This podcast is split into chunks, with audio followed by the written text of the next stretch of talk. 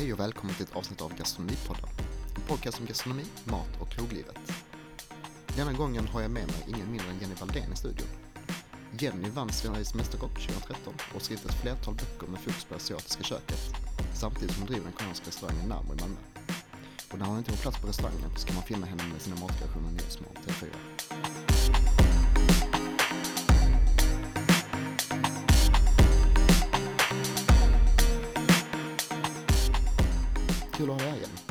Tack! Det är jättekul att vara här. Det är jättekul att ha dig här. Eh, och för att gå på rakt sak, kan inte du berätta lite om dig själv?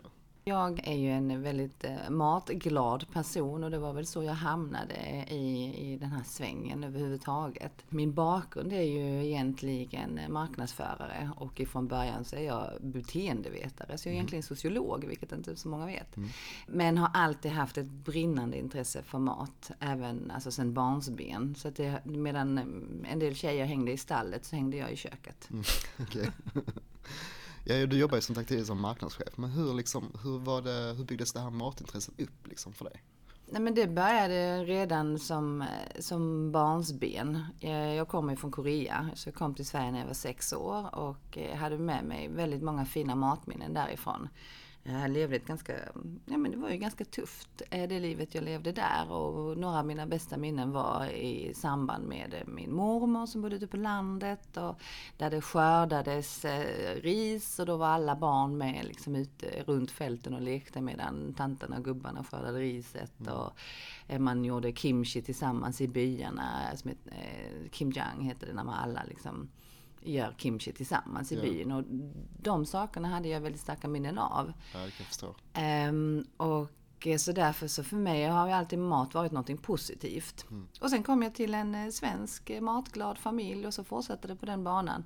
Och det som gjorde kanske att jag började laga mat själv, det var att min mamma på ehm, Ja, det här var ju då på 80-talet. Det var ju ganska många mammor som jobbade halvtid som det hette då. Ja. Och så fick min mamma, hon kom ju hem tidigt, men på måndagar så fick hon ändrat schema och så fick hon då jobba till klockan sex. Och hur skulle maten hinna stå på bordet sen till hela familjen? Så då så frågade hon mig och min fem år äldre syster om vi ville laga mat tillsammans då till familjen. Och då var jag 10 och min syster var 15. Eh, och det gick ju inte jättebra eftersom vi bråkade rätt mycket om vem som skulle göra vad. Så till sist så delade vi upp det och gjorde varannan vecka var. Och då var jag tio drygt och började laga mat till en hel familj redan då. Det var nog inte speciellt gott i början men man lär sig. Ja, du börjar verkligen få lite restaurangkänslan här. ja. Men, eh, ja, men har du liksom några specifika rätter som du har extra starkt från barndomen med dig? Ja, alltså jag har ju från de tidiga åren i Korea så har jag ju starka minnen ifrån både kimchi eh, och de få gånger som jag fick äta kött. Vi var ju ganska fattiga. Ehm, och då åt det ju då ehm, eh, bulgogi. Eh, men det var ju vid väldigt speciella tillfällen. Ehm, och sen så i, och sen så minns jag också all fantastisk frukt som fanns i Korea. Men sen när jag kom till Sverige så för mig många av de em, starkaste matupplevelserna som barn var eh, Hör nu i det här. Kåldolmar var en av mina favoriträtter som barn och det var inte så många andra som gillade det. Jag vet eh, när vi hade kåldolmar i skolan så sa mattanten eh, Elsa, sa hon, du är den enda ungen som tar två gånger när det är kåldolmar. Ja, det kan inte det man minns som så här favoriten om barndomen liksom i skolan. Nej, nej, men för mig var det det. Och jag tror att det har ju mycket att göra med att det alltså påminner om just det här med att man åt kål och eh, alltså i, i form av kimchi då och sen så fläsk tillsammans. Så det var ganska vanligt. Så att för mig var det ganska familjära smaker redan. En matglad unge redan som barn. Ja, men du nämnde ju lite kort där, för du, du är uppfödd i Sydkorea och du flyttade hit för att bo med en svensk matintresserad familj. Men hur väcktes liksom den koreanska matintresserade delen av dig? Är det som att du har följt med dig eller är det någonting som har byggts vidare liksom när du flyttade dit? För jag hörde bland annat att din, din svenska mor hade köpt en koreansk eh, bok. Ja, men det gjorde hon.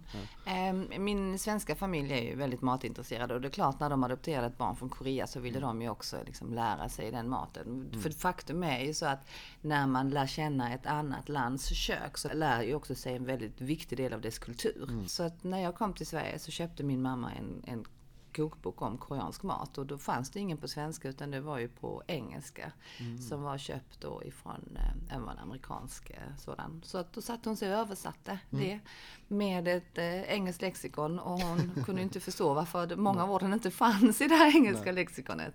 Men i alla fall så översatte hon recept, jag fick peka Mm. på bilderna på grejerna jag ville äta och sen så handlade hon och jag Mm. tillsammans det vi kunde och, och försökte laga det ihop ehm, redan som barn.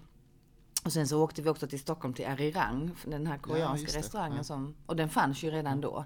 Eh, så att då åkte vi dit, hela familjen satt oss i bilen och käkade koreanskt. Och sen så gick vi på Gröna Lund, sen åkte vi hem. Ehm, men ehm, så att det har ju, det har ju alltid uppmuntrats ehm, från, alltså, från mitt eh, barndomshem. Ja. Men för mig var det väl egentligen när, det blir ju väldigt personligt där, men det gör ingenting. Eh, Det var egentligen när jag sen blev lite äldre. eh, Så mm, alla andra, alltså alla kompisar och alla jag kände hade ju, de hade ju alltså spår av sin biologiska familj. Ja. När man tittade på dem eller hör de skrattade eller någon kanske hade likadant hårfäste som sin pappa eller någon hade kanske samma läppar som sin mamma och jag såg ju alla de här likheterna. Ja, Men jag kunde aldrig liksom se dem hos mig själv och i min familj eller hos någon överhuvudtaget. Eh, Så att för mig så blev den koreanska maten ett sätt att hitta tillbaka till mina egna rötter. För att det var liksom, där behövde jag inte ha några genetiska band utan Mm. jag kunde hitta min kultur eh, genom maten. Så att det var när jag växte upp och när jag hade kommit förbi de här jobbiga tonåren och när man liksom börjar kanske bli sig själv. Ja. Det var då jag verkligen kavlade upp ärmarna och, och tog tag i att lära känna det koreanska köket på riktigt.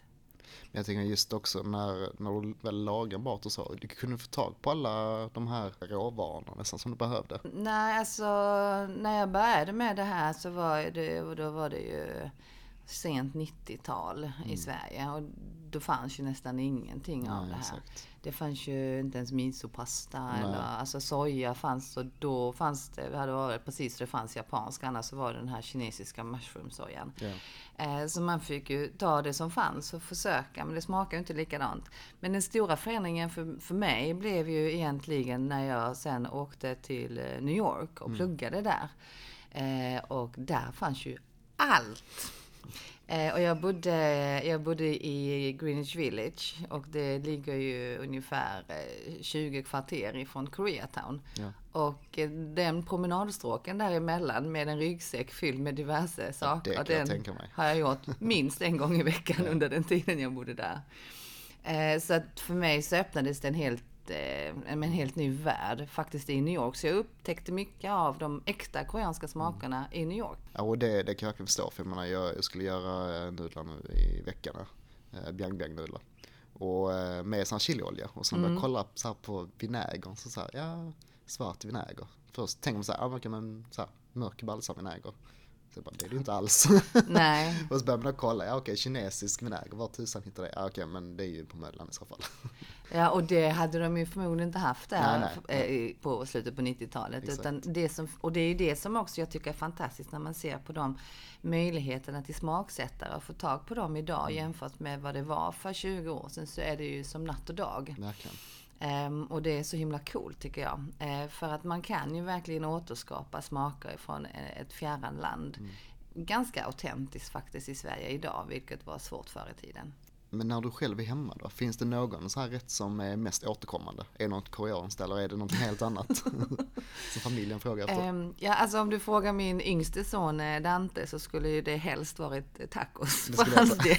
Men det är det inte. Koreanskt tacos kanske? Mm, nej, vi är ju tre, tre personer till i- i familjen hemma. Ehm, eh, nej, men jag skulle säga...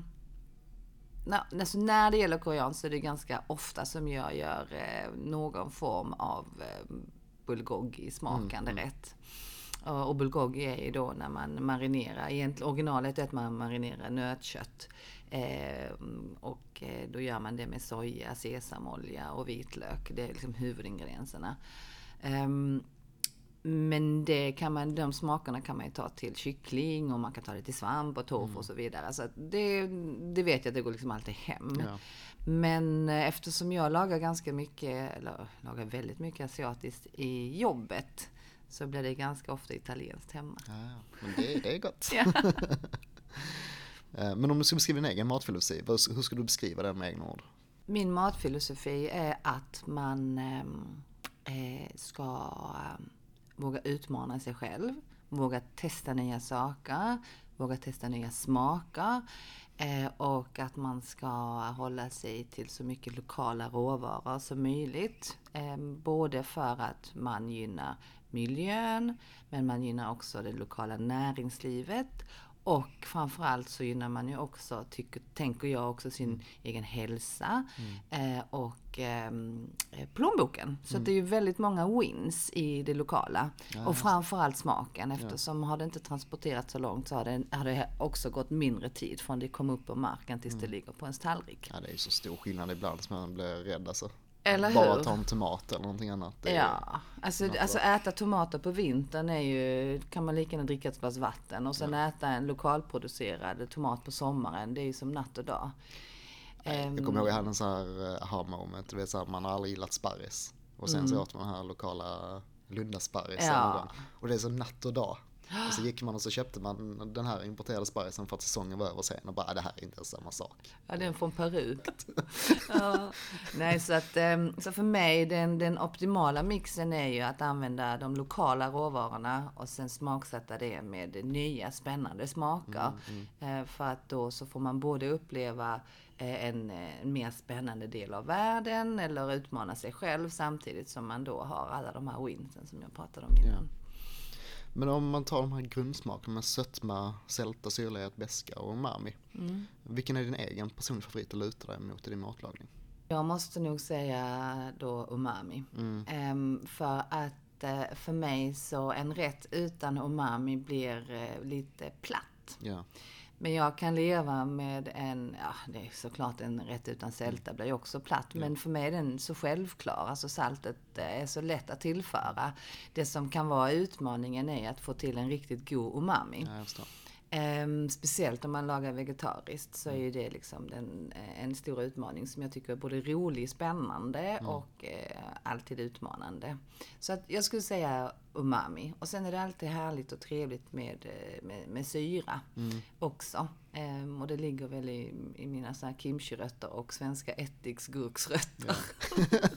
Nej, jag håller med. Alltså, syran för mig har alltid varit sån här riktig favorit. Eh, Men jag tänker just i det koreanska köket, vilka är det som kännetecknar den mest? För syran är ändå en del, tänker jag, bland annat med kimchi. Ja, ja, syran är jätteviktig genom kimchin. Men där i Korea så är, skulle jag säga att där är ju umamin är ju det, det tyngsta. Och det är ju också anledningen till varför man fermenterar så mycket där. Eller, använder, eller så ska jag inte säga det är inte anledningen till varför man, men det är anledningen till eh, varför man tycker så mycket om eh, den fermenterade maten är för att det ger mycket umami. Mycket av de här fermenterade bönpastorna och fermenterad chilipasta och även soja som från början gjordes genom fermentering och fisksås också för den delen.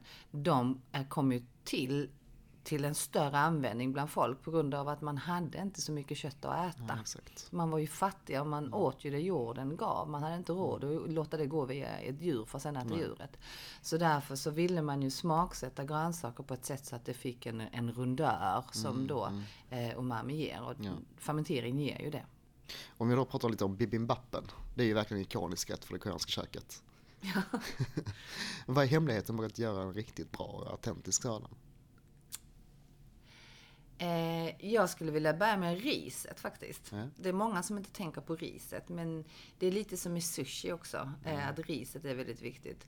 Ehm, riset är ju grundpelaren i det koreanska köket och även i bibimbap. Bibimbap betyder ju till och med rört ris. Bibim betyder rö- att röra och bap betyder ris. Ja. Eh, och eh, där skulle jag säga, ska man göra en autentisk bibimbap så ska man ju använda sig av rundkornigt ris. Alltså samma, alltså, och Korea och Japan äter man ju samma sorts ris. Ja. Ehm, jag brukar köpa det på Asiatisk Livs. Eh, går man inte förbi någon sån skulle jag säga sushi-ris i butik och blötlägga det väl och koka det på rätt sätt. Eh, och sen så är det ju toppingen på och då är viktiga där är ju att man har olika grönsaker.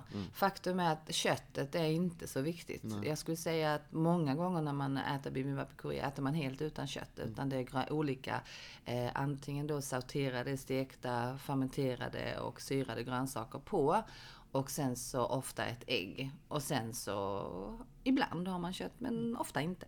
Finns det några saker som är ett måste i en bibimbap och vissa saker som man faktiskt kan testa runt med lite annat? Ja, men jag skulle säga, för mig är, är det inte en bibimbap om inte man har eh, fyra olika sorters grönt på minst. Nej, okej. Eh, jag, traditionellt är att man ska ha sju. Ja. sju grejer på. Ägget är inte heller obligatoriskt. Ja, för den känns också som så här klassisk grej. Så att, Ja. Alltså, annars tänker man nästan att ser man inte det så ser det nästan ut som en pokeball. Ja, fast när du är i Korea och beställer en bibimbap så Ja. kan du lätt få alltså, en skål med ris i botten och sen så olika sorterade Ja. grönsaker på.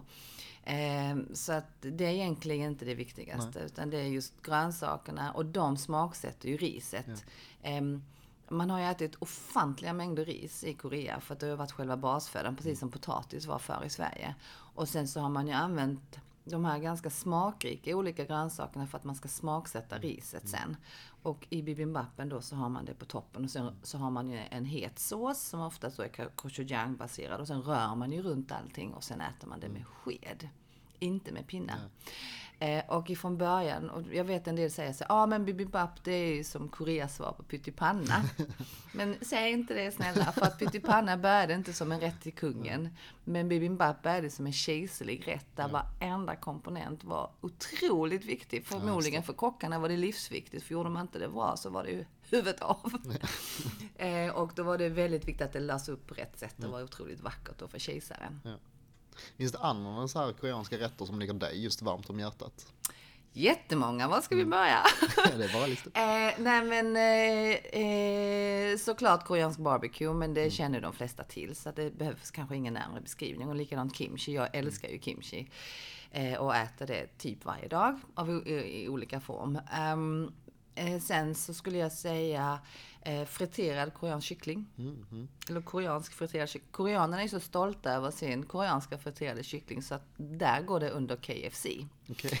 Eh, och då är det inte Kentucky utan då är det. Korea. Ja. Eh, och då har man ställen där man bara går och käkar då friterad kyckling och dricker öl. För det är en kombo som man älskar och då heter det chimek. Okej. Chi för chicken och mek för mekjo och det betyder alltså öl. Okej. Ehm, och eh, det tycker jag är en eh, jättehärlig grej. Ehm, och då är den koreanska kycklingen väldigt frasig och sen så har man då en glazing på som antingen är lite sojasöt eller som är het med chili. Eh, och så äter man liksom en hel stor korg med den här kycklingen och picklad rättika till och så häver man öl. Ja, jag blir så himla hungrig nu alltså. Så den, den tycker jag är väldigt cool. Ehm, och sen så älskar jag ju eh, dumplings. Eh, och det kan man hitta i varje gatuhörn där. Och, eh, och tycker jag är jättehärligt också. Ja, Du nämnde ju kimchi där och det är ju verkligen något som är så starkt förknippat med koreanska köket. Och inte minst i ditt Instagramflöde dessutom. Ehm, Men vad sammanfattar en riktigt bra kimchi? Eh, för mig en riktigt bra kimchi eh, het, men inte för het. Hellre på den milda sidan än för den heta. För att är den för het kan man inte äta så mycket. Och, det vill man ju. och sen så tycker jag att den ska vara eh, lagom syrad. Eh, inte för färsk och inte för syrlig. Och eh, det finns ju kimchi, på, alltså det finns flera hundra olika sorters kimchi. Eh, för att man kan göra det på nästan vad som helst. Men min favorit är fortfarande ändå den som är den mest klassiska och det är ju den som är baserad på salladskål. Ja. Ehm, men jag tycker också väldigt mycket om vattenkimchi. Och då gör man kimchi med, alltså med vätska och eh, rättika. Ibland med salladskål. Och sen så låter man det stå och fermentera och sen så äter man själva vätskan som bas i kalla soppor på sommaren. Eller så äter man bara en skål med, som en kall soppa med den här kimchin. Så man har sett ett bra sätt att komma in just i den koreanska maten. Det är ju verkligen kimchin. Om du till och med kan använda basen till många rätter också. Ja, absolut. Eh, och jag vet till exempel som, för kimchi kan ju vara lite magstark, speciellt för barn. Men eh, mina barn äter eh, kimchi när den är tillagad, alltså när den är stekt i, alltså Kim, eh, alltså som när jag gör kimchi eh, till exempel, eller om jag gör kimchi fried rice, eller om det är någon soppa eller gryta, då kan de äta det. Men de äter gärna inte den färsk då. Och det är ett sätt, för när man steker kimchi eller värmer upp den så blir den ju eh, sötare och rundare och mjukare och, och så. Så att ehm, det brukar funka hos de flesta. Men du har ju även varit runt och rest en del genom dina dagar. Vad skulle du säga influerat dig mest genom dina resor?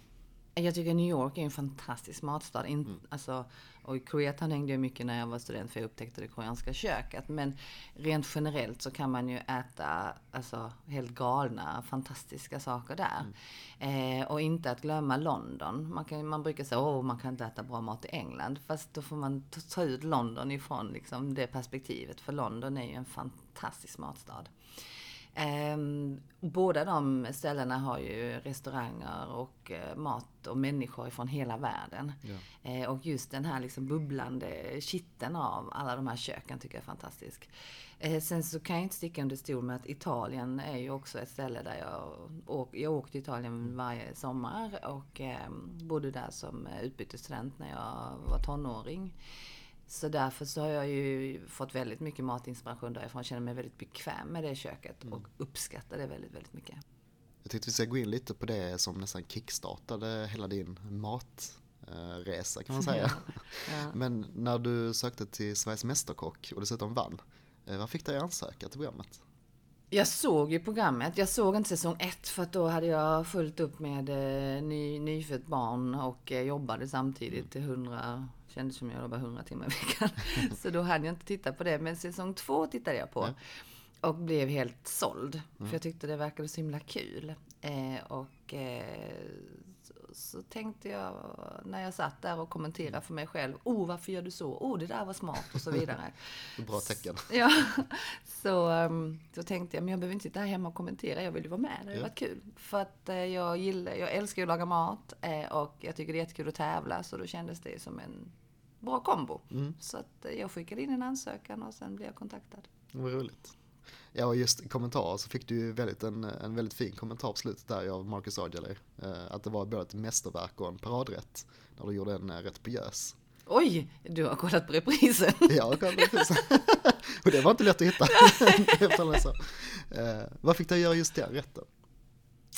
Nej men för att eh, jag lagade ju ganska mycket eh, alltså Asien-influerat i början av programmet. Mm. Och eh, då sa de till mig så här, oh, kan du bara laga koreanskt eller? så nej, jag kan laga annat också. Så då kände jag att jag ville gå lite, alltså jag ville visa dem eh, en, en meny lite utanför min comfort zone. Mm. Eh, så det var ju bara att kavla upp och försöka göra någonting klassiskt fast med en modern twist. Mm. Så det var därför jag valde det. Ja, det gick ju bra, verkligen. Ja. ja, och eh, mycket har hänt sedan dess. Och kort efter började du jobba på din eh, första kokbok. Ja. Eh, som en smak av mitt hjärta, Korea möter väst. Vad blev inspirationen till den boken? Alltså den boken fick göras otroligt snabbt. Mm. Vanligtvis så har man ju, gör man ju en, en kokbok på ungefär ett och ett halvt till två år ifrån liksom första idé tills ja. boken är ute. Och där, skulle, där hade jag då ja, tre månader på mig. Ja. Så att det gick ju kopiöst snabbt. Um, så att det var ju egentligen bara att försöka få ner recept på uh, vardagsfavoriter eller sånt som jag kände mig bekväm med att laga mm. och skriva recept på. För det är också svårt för man aldrig har skrivit ett Nej, recept. Såklart. Så är det också mycket svårare nu, sju år senare, så mm. kan jag ganska enkelt sätta ihop ett recept. Men det var ju jättesvårt. Ja det är det ju. Alltså först när man ehm. ska göra ett recept så är det så här, okej okay, men vilka delar får jag inte missa? Det är många gånger så ser man ju ett recept där man tänker, men här, här missar man ju det var som något recept nyligen när jag skulle göra någonting och där var det Jo, allt med basen var med, men sen toppingen, det var liksom ingenting så här hur mycket ska du ha varje? Och gör man rätten för första gången så är det väldigt svårt så här, kan man, visst jag kan testa själv, men vad är, vad är det tänkta resultatet? Mm. Och ibland så kan man också kanske bara ta för givet att folk förstår att man ska bryna köttet tills det är brynt. Ja. Så kanske man bara skriver stekköttet och sen så har folk helt olika liksom, uppfattning om hur man ska göra saker. Eh, men eh, så att det gick, det gick väldigt snabbt. Men det jag tänkte var ju att jag ville, jag ville ju stå då på de här tre benen och det var ju eh, Korea, mm. Italien och Sverige. Mm. För det, var, det är ju liksom min comfort zone kan man säga. Ja. Eh, så när jag sa det till min förläggare så sa hon så ja, passa på att göra det nu för mm. att sen när alla andra ska tycka till, ja. du kommer aldrig få göra en sån bok igen. för det kommer vara för spretigt. Så ja, då så körde vi på det. Ehm, och det var, det var en jättespännande resa. Mm. Ja, nu har du gett ut ett flertal böcker de senaste åren. Ehm, mm. Det, är, det är tre stycken har gjort. Jag har gjort tre och jag mm. har den fjärde på G, så den Spännande. kommer efter sommaren. För det skulle bli min nästa fråga om du har någonting som bubblar. och vad kommer den handla om? Eh, den kommer ju naturligtvis Ja. att, eh, att eh, ha asiatiska smaker i fokus och eh, den matlagningen. Ja. Spännande. Och jag tycker det är så kul också just att efter du varit med i Sveriges Mästerkock så, så nämnde du ju i en intervju där, ah, men jag, jag vill jättegärna börja göra TV. Och det kan man ju verkligen säga att du har gjort nu senaste åren. Det, det har ju verkligen eh, blivit liksom en TV-personlighet kan man minst säga. Men vad, vad, tycker du, eh, vad tycker du är roligast med mat-TV? Faktum är att när jag började jobba på Unilever så Ja. sa jag redan då när jag började som brand manager där och var produktchef. Så sa jag redan då att eh, jag vill eh, hjälpa folk att få, eh, alltså att äta bättre hemma. Det är fortfarande det som jag har som min ledstjärna. Men, och det som är det vad ska man säga, mest genomslagskraftiga sättet att göra det, det är ju såklart att göra det medialt. Eh, och när jag lagar mat på TV så vet jag ju att det är ju ett antal hundratusen som ser på, på, på programmet när det sänds första gången i TV, alltså när det är på morgonshowen. Sen är det ju väldigt, väldigt många fler som sen går in och söker inne på köket.se och som googlar mina recept och så.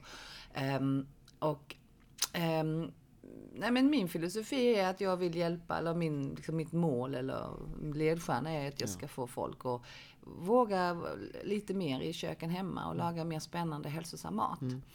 Eh, och att det faktiskt inte är så svårt. Och där, där blir ju TVn ett väldigt enkelt medel, eller inte enkelt, men det blir ett väldigt bra medel till att få fram det budskapet Ja, tycker jag. det. Vad tror du är svårast med mat-TV då? Alltså i det konceptet som jag är i nu så är det ju att det är så kort tid. Det är, ett program med ungefär fem minuter av kökets eh, middag. Och då blir det inte någon tid över till att förklara saker på djupet, vilket jag kan sakna ibland.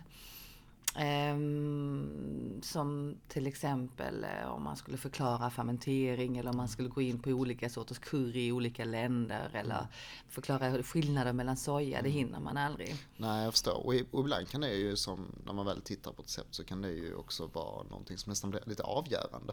Under inspelningen av mitt egna program Gott Mat Gourmet så var du ju med där vi bara pratade om nudlar specifikt. Ja, Och vi älskar ju båda nudlar. ja! Eh, Och vi kunde ju knappt nästan sluta prata om det för det, det är ju så hett ämne. Ja, men nudlar är ju bara så fantastiskt. Det är ju det. Vad är det som du tycker är så fascinerande med nudlar? Eh, för det första är det ju för att i nästan alla länder i Asien, och då pratar jag inte bara om Fjärran Östern utan faktiskt ända in mot, eh, när det gränsar mot Europa nästan. Alla de länderna har ju sina former av nudlar och det finns ju så otroligt många olika sorter också som folk här inte känner till. Och det finns också stora variationer på vad man kan göra med dem. Man kan ha dem i, i soppor och då finns det liksom pff, hur många varianter på det som helst. Och så kan man göra dem i stir fries och så finns det jättemånga varianter på det. Man kan äta dem varma, kalla, starka, milda, söta. Alltså man kan bara fortsätta och det fantastiskt. Och sen så är det just det här, ehm, det här slurpandet med nudlar och att eh, konsistensen och hur det suger upp alla andra smaker runt omkring. För har man riktigt bra nudlar behöver man inte ha så jättemycket annat runt omkring. Nej, för på ett sätt blir det ju lite som eh, pasta och ris, just att det blir lite som comfort food och det suger åt sig av allt innehåll i rätten. Exakt. Men vi kom ju in lite på tonkotsu-ramen senast, för det är ju också, det är min favorit och jag vet det är också en varm favorit för dig. Yes. Eh, men vad är den bästa tonkotsu du någonsin har ätit? Jag tror att jag måste säga på Tonkotsu i London, Ja. i Soho. Eh, De är ju specialister på det och det var ju därför de öppnade, för att det är det de gör. Och jag kan älska det här konceptet med att man gör någonting och så gör man bara den grejen och så gör man det superbra. Bara förfina liksom. Ja, precis. Eh, Så jag måste säga deras Tonkotsu. Vad var det som gjorde den så bra? Den är ju otroligt eh, smakrik utan att den är stark. Så att har, du har ju både det umamin och sen så har du eh, sältan och sen så har du det här alltså smaken ifrån benmärgen och fettet som liksom lägger sig runt varje nudel som man då stoppar i sig. Och nudlar då som är då handgjorda, färska nudlar. Alltså, och sen det här liksom lilla mörbakade ringen av ehm, eh, fläsk som då ligger ovanpå. Jag ser, du sitter bara och ler. Ja, ja, jag blir så himla hungrig. Och, så no, alltså, och sen så bara lite liksom picklade bambuskott på lite chiliolja. Alltså magiskt. Ja. Verkligen. Nej, nej men tonkotsen är verkligen en sån grej. Det är, det är inte bara en maträtt, det är verkligen någonting som, jag kommer ihåg när jag åt det första gången i San Francisco för ett par år sedan. Och det var inte ens på något speciellt bra ställe. Så här, det var ju på, jag tror det var Westfield Mall liksom. Eh, och det var verkligen så här, lite food court-ramen. Men den, den förändrade någonting. Det var liksom, sen dess har jag alltid haft ett så här sug på ramen. Liksom. Ja. Så när jag kom dit ett par år senare igen, då gick jag till exakt samma köpcenter så fort jag gått av tåget och käkade Nej. ramen. Jo. Var den bra? Var den lika bra? Eh, den var nog inte lika bra, men jag tror att eftersom det var den första ramen jag någonsin åt eh, och sen så har man ätit så många bra efter det så tror jag bara det att min preferens har blivit lite mer raffinerad tror jag bara. Ja, men såklart. Eh, Men verkligen en fantastisk rätt. Men förutom det bästa nudistället, vilka är den bästa restaurangupplevelsen du har haft? Får man säga två? Du kan säga två. Mm. Okej. Eh, den ena är för mig det första gången när jag var på Daniel Berlin eh, i Tranås. Eh, för jag visste inte riktigt vad jag skulle förvänta mig och jag blev bara totalt blown away av allt. Jag tyckte det var helt fantastiskt. Och den andra skulle jag nu säga Blue Hill i New York. Eh, också för att det var lite oväntat. Eh, vi hade egentligen eh, redan satt oss på en annan restaurang. Sen vi bara, nej det här funkar inte. Okej. Eh, och jag hade inte lyckats att få bord på Blue Hill eh, innan vi åkte till New York. Men så tänkte jag, ah, men jag bara ringer dit. För då var klockan redan halv tio. Och så ringde jag bara, hej ni råkar inte ha bord. Och så sa han, vet du vad, vi har precis fått en avbokning. Så om ni kommer nu. Jag bara, vi sitter redan i taxin! så att, eh, och där, så att där var också helt fantastiskt. Verkligen magiskt tyckte jag. Och just kring restauranger, du öppnade din egen restaurang Namo mm. 2015 med din man. Eh, Men kan inte du berätta lite hur den kom till? Eh, vi, eh, jag fick, efter att jag vann Sveriges Mästerkock så fick jag ganska många förfrågningar av folk. Speciellt när jag gjorde så här företagsgig och gästspel eller så här. Oh, när ska du öppna restaurang och den här maten vill vi äta jämt och så.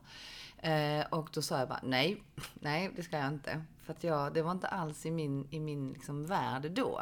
Ehm, men sen så gick det, ja, det gick ett år och eh, jag och min man vi satt oss och pratade, vad ska vi göra av det här? Liksom, vad, ska vi ta, vad är nästa steg? Eh, och han har alltid haft en dröm om att ha något eget och jag har alltid eh, jag menar, älskat maten och tyckte det var så kul att jobba med den. Så du sa, men nu då gör vi det ihop. Ja. Så gör vi det på riktigt. Så då satte vi oss ner och gjorde en plan och eh, tuffade på. Och eh, det var väldigt många som sa, nej, gör inte, ni har ingen erfarenhet, ni, ni kan ju inte det, det kommer gå åt, eh, kommer gå åt pipan. Eh, och då sa vi att, eh, ja men då får vi gå in med den risken att det kan gå åt pipan. Men vi tror inte det. Och det har det inte gjort än så länge. verkligen. Och, och det är ju också väldigt roligt för att ni har ibland fått en Bib Gourmand av Michelin ju. Eh, och det är ju verkligen en grym prestation. Men känner du att Mm. Tack. utmärkelsen har dragit till sig en specifik publik till restaurangen? Alltså det jag tycker är tråkigt med, med eh, Bib Gourmand, det är ju att det är inte så många svenskar som känner till det. Nej. Utomlands vet nästan alla vad, vad det är för någonting. Men i Sverige har man varit ganska dålig på att marknadsföra det. Här har man väldigt mycket fokus bara på Ja, stjärnkrogarna. men det gör det. Ehm, Det som är med Bib Gourmand, det är ju anledningen till att man på Michelin började med Bib Gourmand var ju när eh, de här företagen började dra ner på sina representationsnoter och eh, då behövde eh, företagen och folk rent allmänt behövde ha rekommendationer på restauranger som var mer prisvärda men fortfarande hade bra mat.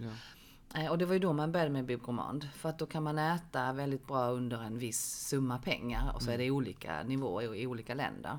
Eh, Så att när jag själv är ute och reser så eh, är det alltid det första jag tittar på. Speciellt om jag reser med barnen då. Att titta på Bib Gourmand-restauranger. För då vet jag att då får man riktigt bra mat. ja, och det känns också som att Bib Gourmand-restauranger blir också lite mer avslappnade. Absolut. Eh, vilket är en fördel också, för är, man vill ju ha riktigt bra mat men det är inte alltid nödvändigtvis man vill ha vita dukarna. Nej men precis. Och, och speciellt där kan jag säga, där alltså med barnen och så. Vi har varit på stjärnkrog med barnen men de uppskattar ju inte det alls eh, liksom mer. Utan de tycker ju det är mycket ja, mer avslappnat och härligt att sitta på en lite bullrig mm. Bib Gourmand-restaurang där det fortfarande är jättegod mat. Ja. Så att, ehm, det, så att, nej men så att, jag vet inte hur mycket det har gjort för oss lokalt, men jag tror att kanske att en del fler turister som är matintresserade har hittat till oss. tror jag. Men jag tycker namnet Namo, det betyder ju träd på Ja. ukrainska. Vad, är- vad är orsaken att ni döpte det till just det? Ehm, det är ju ganska symboliskt, kan ju tyckas lite långsökt. Men så trä, alltså för oss är det så här att rötterna till smakerna kommer från Korea. Men trädet det växer här i Malmö. Precis som de råvarorna som vi försöker använda så mycket som möjligt. Eh, och lite grann också är det en liten personifiering av mig. För jag kommer från Korea och jag växte upp här i Sverige. Och, ja, så att det är liksom, ja det är mitt lilla träd. Ganska stort nu. Ja. Det är rätt mycket trämöbler också. ja. Eh, Men känner du att Namo speglar din matfilosofi rakt av? Eller känner du mer som att det blir som ett sätt att, att det blir som en oas nästan för att experimentera? Ja, men, eh, alltså, det började ju med att det var min matfilosofi. Men sen hade vi den otroliga lyckan att hitta eh, André Nordström som är då vår eh, köksmästare och även eh, Markus Larsson som är vår souschef. Och båda de två har ju bakgrund i välrenommerade Michelin-krogar. De började hos oss på Närmo redan, när vi, alltså redan innan vi öppnade Okej. restaurangen. Ja. Och eh, vi kom väldigt bra överens och de var väl lite trötta på att lägga mat med pincett kan man väl säga. För det hade de gjort i några år båda två. Eh, och eh, där initialt så jobbade vi väldigt tätt ihop för att de kunde ju liksom hela liksom logistiken och driften av ett restaurangkök. Det kunde ju jag inte alls och det kan jag fortfarande inte. Eh, och framförallt så kunde de det här superfinliret som jag inte heller liksom är alls lika bevandrad i. Medan jag kunde de koreanska smakerna. Så där i början hade vi ju väldigt liksom, tätt samarbete på det som gick ut på menyerna. Och sen desto längre tid som har gått, desto mer har ju de lärt sig av de koreanska smakerna, rätterna och smakprofilen och så. Så nu för tiden så är det ju faktiskt de som, som sätter eh, förslag på menyer som vi sen går till, igenom tillsammans. Och sen, så att jag inte är involverad i provköket och lagar längre, utan det gör de. Och sen smakar vi det ihop och går igenom detaljer och sen sätter vi det liksom Ja. till sist. Men jag tänker en annan sak. Det är, ni har ju nämnt liksom att ni serverar koreansk mat med skånska influenser. Vad innebär det för en besökare? Alltså det innebär att eh, Närmo är inte en autentisk koreansk restaurang och det har vi heller aldrig sagt själva. Sen vet jag att det har ju benämnts så av kanske folk som skriver om det och så, men det är fel. Utan Närmo är inte en autentisk koreansk restaurang. Utan det är ju, och det är just det vi försöker säga också med ordet Närmo, att det är det bästa av två världar för oss. Och det ger ju också oss friheten att jobba med rätter som är antingen kan vara ja, men, väldigt autentiska som i Korea fast med vår twist. Eller så kan det vara en relativt västerländsk rätt men där vi liksom slänger in koreanska element och smaksättare. Eh, och då har vi liksom hela den spannen däremellan att jobba med och det ger ju oss mycket större frihet Ja, på det som vi vill servera. Och tänk, jag tänker också att det blir mer intressant för gästen för att då får man också ett större, större spektrum av smaker. Och mer lokala råvaror. Men om man som gäst kommer dit och vad, vad kan man förvänta sig för smakupplevelser? Det beror på vad man beställer eftersom vi har en mellanrättsmeny och sen så har vi också satt samman en smakresa så att man kan eh, välja då en, ett paket som vi har satt ihop för att man ska få smaka på, få en liksom bra upplevelse. Eh, Men eh, man kan ju, man kommer med sig i munnen, eller eftersmaken kommer ju vara kimchi, det kommer att vara vitlök och det kommer att vara sesamolja och det skulle jag säga det är ju de som är liksom karaktäriserande för det koreanska köket och då också den här ljusa sojan. Ja, jag måste verkligen dit snart igen. Jag tror de gångerna jag varit där så har det faktiskt blivit eh, nudlar varje gång. Du vet, så här, jag har lovat mig själv jag ska inte äta nudlar idag. Och sen senast jag kom dit så stod tonkotsu-ramen på menyn. Jag bara, alltså jag vill äta bibimbappen men tonkotsu, Du måste prova något annat. ja helt klart. Men vilka är de mest populära rätterna på menyn då? På lunchen är det bibimbap. Det är så? Ja, det är det. Eh, lätt. Eh, bibimbap på lunchen. Eh, men på kvällarna så är det ju faktiskt vår eh, smakresa. För folk är väldigt nyfikna på den och vi lägger ner väldigt mycket jobb bakom att den ska vara väl komponerad och eh, bygga upp smakerna och med dryckespaket till och så. Och folk ser ju och förstår det så att eh, det, på kvällarna så är det framförallt vår meny som, som folk väljer. Men vad blir nästa steg från Namo? Det finns något man vill prova eller utöka med? Ja, alltså nu har vi ju, nu är det ju femte året vi, vi rullar på nu. Eh, och ehm, Eh, vi är jätteglada att det fortsatt går bra. Ibland är det så att restauranger öppnar och sen är det nyhetsbehag och sen sitter inte folk tillbaka. Men vi, vi har eh, vi knallar på och vi har våra stammisar och nya besökare. Och så att, men vi, det ska ju inte vara statiskt. Vi har ju ändrat ganska mycket i vår inredning sen vi började till exempel. Och sen så har vi också eh, gjort om vårt koncept lite rullande allt eftersom. Men ehm, eh, vi, eh, vi, vi har ju ett rum som vi ska göra någonting med som för närvarande då eh, vi inte har någonting i. Så vi får se vad det blir. Mm. Det kan bli spännande. spännande. Ja. Mm. Jag var ju förbi där senast och såg det var någonting som hände där i rummet. Så det ska bli spännande att se. Ja. Ehm, men förutom namn, vad, vad blir nästa steg för dig i din egen matkarriär? För du har ju också väldigt många bollar i luften. Um, nej men uh, jag tycker det är väldigt kul att göra TV så att uh, det är någonting jag uh, önskar att fortsätta med. Sen får vi se i vilket format men jag trivs väldigt bra på köket men det är inget nytt om man säger så. Eh, och sen så kommer det en ny kokbok som kommer ut nu i höst eller efter sommaren. Eh, så att det är full rullians med den och eh, sen så vill jag ju fortsatt hjälpa folk att äta mer spännande mat hemma och våga laga mer spännande mat hemma. Så får vi se hur det ter sig. Mm. Får jag fråga, vad skulle du säga att gastronomi betyder för dig? När man säger gastronomi så tänker jag nog ändå på fine dining. Mm. Eh, eh, jag tänker på eh, en, en, en högre smakupplevelse. Och jag tänker att det är väldigt väl utvalda råvaror, mycket kärlek och kanske en del teknik i maten. Fast det är ju liksom min definition nu lite på fine dining. Mm. Eh, och också ett uttryck, skulle jag säga, för en kultur. Mm. Och också det som växer där man upplever gastronomin. Mm. Som närmare växer med trädet. Ja. eh, men har du några egna så här personer som du ser upp till inom matbranschen? Erik och Elinor mm. eh, som har spill här i Malmö gör en fantastisk sak. Mm. Ehm, för både miljön och det lokala och eh, faktiskt få folk att höja på ögonbrynen och mm. tänka efter lite. Ja, verkligen. Ehm, så det tycker jag är en, en väldigt fin sak som de gör och mm. som jag hoppas att fler människor kommer ta med sig både in i restaurangbranschen men också framförallt hemma. För det slängs ju så otroligt mycket mat. Ja, det gör det. Och eh, det, det, det är ju det är väldigt synd också för det känns som att det handlar ju en del om kreativitet också. Just det att, okay, du har saker hemma, många tänker att ah, jag kan inte göra någonting av det här. Medan det kanske är mer att man inte riktigt vet vad man ska göra av det. Nej, exakt. Ja. För att folk har inte riktigt fantasin. Nej.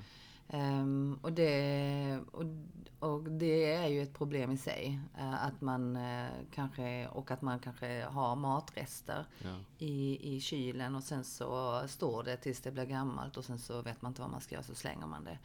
Um, det var ju som nu eh, efter vi hade falafel-VM så hade jag ju, jag har ju fortfarande så här typ 10 påsar libabröd hemma i frysen. Och, och då är det så när man har 10, 10 påsar med fem bröd i varje så börjar man bli ja. kreativ. Vad kan jag göra av detta? Ja, det ju nachos och det är uh, ditten och datten. Pizza också ja. ja. Det, så man, man hittar ju verkligen sätt att kunna använda det. Uh, Medan andra kanske bara snarare hade kastat det för de känner så här, jag är trött på det nu eller jag vill inte äta mer bröd. Ja, nej men eller hur. Mm. Eller hur. Um, så att, eh, och, och, och, när jag då nämner dem så måste jag ju också säga då eh, Paul Svensson. Mm. För jag tycker att han, han jobbar på ett ganska liknande, han är, de gör ju det lokalt, Paul Svensson gör ju det mer medialt. Mm. Att han verkligen försöker kommunicera det här kring att man ska ta tillvara på allt och att man ska inte slänga mat Nej. och äta mycket vegetariskt och så. Och det eh, står jag bakom eh, till eh, fullo. Mm. Men om man tänker här i Malmö, har du några favoritkrogar som du ofta besöker själv? Eh, jag tycker ju väldigt mycket om eh, Mutantur. Ja. Tycker jag är ett väldigt härligt ställe. Eh, och där jag är väldigt imponerad av att man har så många mm. mellanrätter. och eftersom jag vet hur svårt och tufft det är mm. att rulla de här rätterna och ha alla, alla råvaror hemma till alla och mm. dessutom så tar de inte bokning heller. Så jag tycker hela det här konceptet, jag tycker att eh, Alexander han har gjort det väldigt, väldigt eh, bra. Ja. Eh, och sen så eh, tycker jag också väldigt mycket om Saltimporten. Mm. Det skulle jag säga är stans bästa lunch. Ingen tvekan. Det är också två personer som verkligen liksom vet hur man lagar riktigt bra mat. Ehm, och sen så tycker jag, fast det är kanske inte maten i och för sig, men jag tycker väldigt mycket om Julie, Ja. vinbaren. Tycker jag också är jätte, jättehärlig. Vad är det som du gillar mest med det? Är det stämningen eller är det... Ja, men jag, gillar, jag gillar stämningen. Eh, Jag gillar att det är väldigt avslappnat. Jag gillar inredningen. Alltså jag är väldigt mycket så, jag gillar inredningar. Eh, Jag gillar väldigt mycket inredningen där för att det är lite ljust fast ändå mysigt. Och eh, sen tycker jag också att de som jobbar där har liksom väldigt skön attityd till gästerna och även till vin. Och de har ju bara naturviner men som jag då som jag tycker naturviner är bra men jag tycker inte kanske alltid att alla är goda. Nej. Så om jag går dit så säger jag att jag gillar naturvin men jag vill inte att det ska vara så funky. Då kommer de med massa olika liksom, förslag och alltså väldigt härlig, eh, mjuk, trevlig stämning där tycker jag. Och sen så är Enoteka också jättetrevligt men det är ju, det är mycket liksom personalen där. Tycker jag. Ehm, Men har du något så här hemligt matlagningsknep som du vill dela med dig av till folk? Ja, vilket ska vi ta? Bara. Ehm, ja, men jag kan säga så här. Ehm, man brukar säga att ja, man ska ha en nypa socker i, ehm, i tomatsåsen, brukar man säga. Ja. Fast jag, brukar, jag tycker faktiskt en nypa socker i potatismosen. Mhm. Ehm, och eh, idén till det fick jag faktiskt när min svärmor sa så här, Åh, när, när, min, när, när jag, jag kommer inte ihåg om det var hennes mamma eller om det var eh, min, eh, eh, min eh, svärfars mamma, men det var någon av de äldre generationen. Hade alltid socker i potatismosen, så himla konstigt. Men det är nog intressant. Alltså jag, jag vet ju till och med när man uh, ska så här steka upp så här potatis bara. Då stod det ofta också att man skulle ha lite socker på. Mm, det bryner ju Ja lite. exakt, och du får lite så här krispigt yta. Och nu blir det kanske inte som med potatismosen men det är intressant. Det, Nej, det ger ju en viss Ja, smak men till det. testa det nästa gång. Bara, inte mycket, alltså Nej, bara nej. nypa verkligen i potatismosen. Förutom då de här kopiösa mängderna med smör om man ska potatismos. Eh, Men rent generellt faktiskt så är det så här och det har jag nog med mig mycket ifrån att ha lagat så mycket asiatisk mat. Att en nypa socker i många saker kan verkligen lyfta smaken och då pratar vi alltså inga mängder men liksom det här lilla, lilla för att det kan gö- göra, det ger en rundör som ehm, som är svår att få på andra sätt. Eh, Sen så kan man ju få det genom att man kanske har mycket rotfrukter i en rätt och sådär för att då är ju också sötman. Men att det liksom, det ger det lilla extra. Eh, och sen så skulle jag nog också säga ehm, att om man har översaltat någonting så kan man också testa Okej. en nypa socker för det tar liksom udden av det salta. Ifall man tänker att det finns inget annat som kan rädda. Vem har du velat ha i gastronomipodden? Ja, men jag tycker du ska bjuda in David Chang. Ja, det hade ju varit fantastiskt kul. Eller hur? Eller Massimo Bottura. Ja. ja, de ligger på min bucket list. Ja, de gör det. Ja, ja, men det kan jag faktiskt gå tillbaka till eh, just det här med eh, någon som man ser upp till eller någon som man har som eh, en förebild. Så tycker jag David Chang, han är ju så cool på så många sätt och vis. Att han både kör liksom finliret men också att han liksom står för saker som kanske många människor förkastar och ändå står fast vid det. Som det här, ja men instant noodles.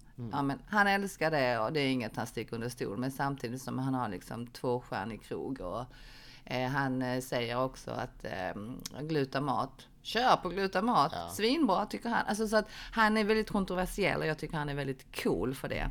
Eh, och sen så gillar jag hans personlighet för att det är liksom no nonsense. Ja men det, du vet ju också, jag såg en tv-serie just där eh, Magnus Nilsson och David Chang ska laga mat. Eh, Så här mitt ute i ingenstans. Finns det på TV? Ja.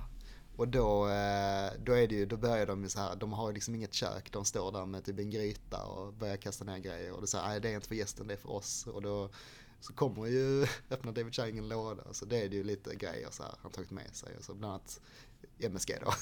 Ja, alltså Magnus han körde på det alltså? Ja, de kör det. Ja. Det är faktiskt väldigt roligt att se. Ja, alltså det är ju väldigt kontroversiellt med det här MSG och det eh, Jag läste i någon eh, sån här kokbok skriven av en amerikansk kinesisk kvinna att eh, för hon gjorde en kokbok där hon reser runt i kinesiska hem och lagar mat hemma hos folk. Eh, hela kokboken är bara recept på det. Och där alla slänger i det på slutet för att det gör man inte till vardags. Man, man gör det när det är fest. Mm. När man har gäster och då var hon en gäst. För att då skulle det vara extra gott. Medan många svenskar skyr ju det som Ja, ja, ja. pesten. Men det finns ju inga bevis på att det är farligt. Jag tyckte det var lite intressant när eh, jag var på Pinka Noodle Bar för ett tag sedan. Ja. Då hade de ju eh, en sån här liten, nästan som en saltkar med MSG. Man kunde ta extra om man ville. Ja, de hade det. De har ju aldrig det i men de Nej. hade som man kunde ta om man ville. Ja, ja det, blir, det blir ju gott. Det är ju så. Ja. Mm. Men stort tack för idag Jenny. Det var jättekul att ha med dig. Ja, men tack så mycket. Det var jätteroligt att vara här, Ja, verkligen.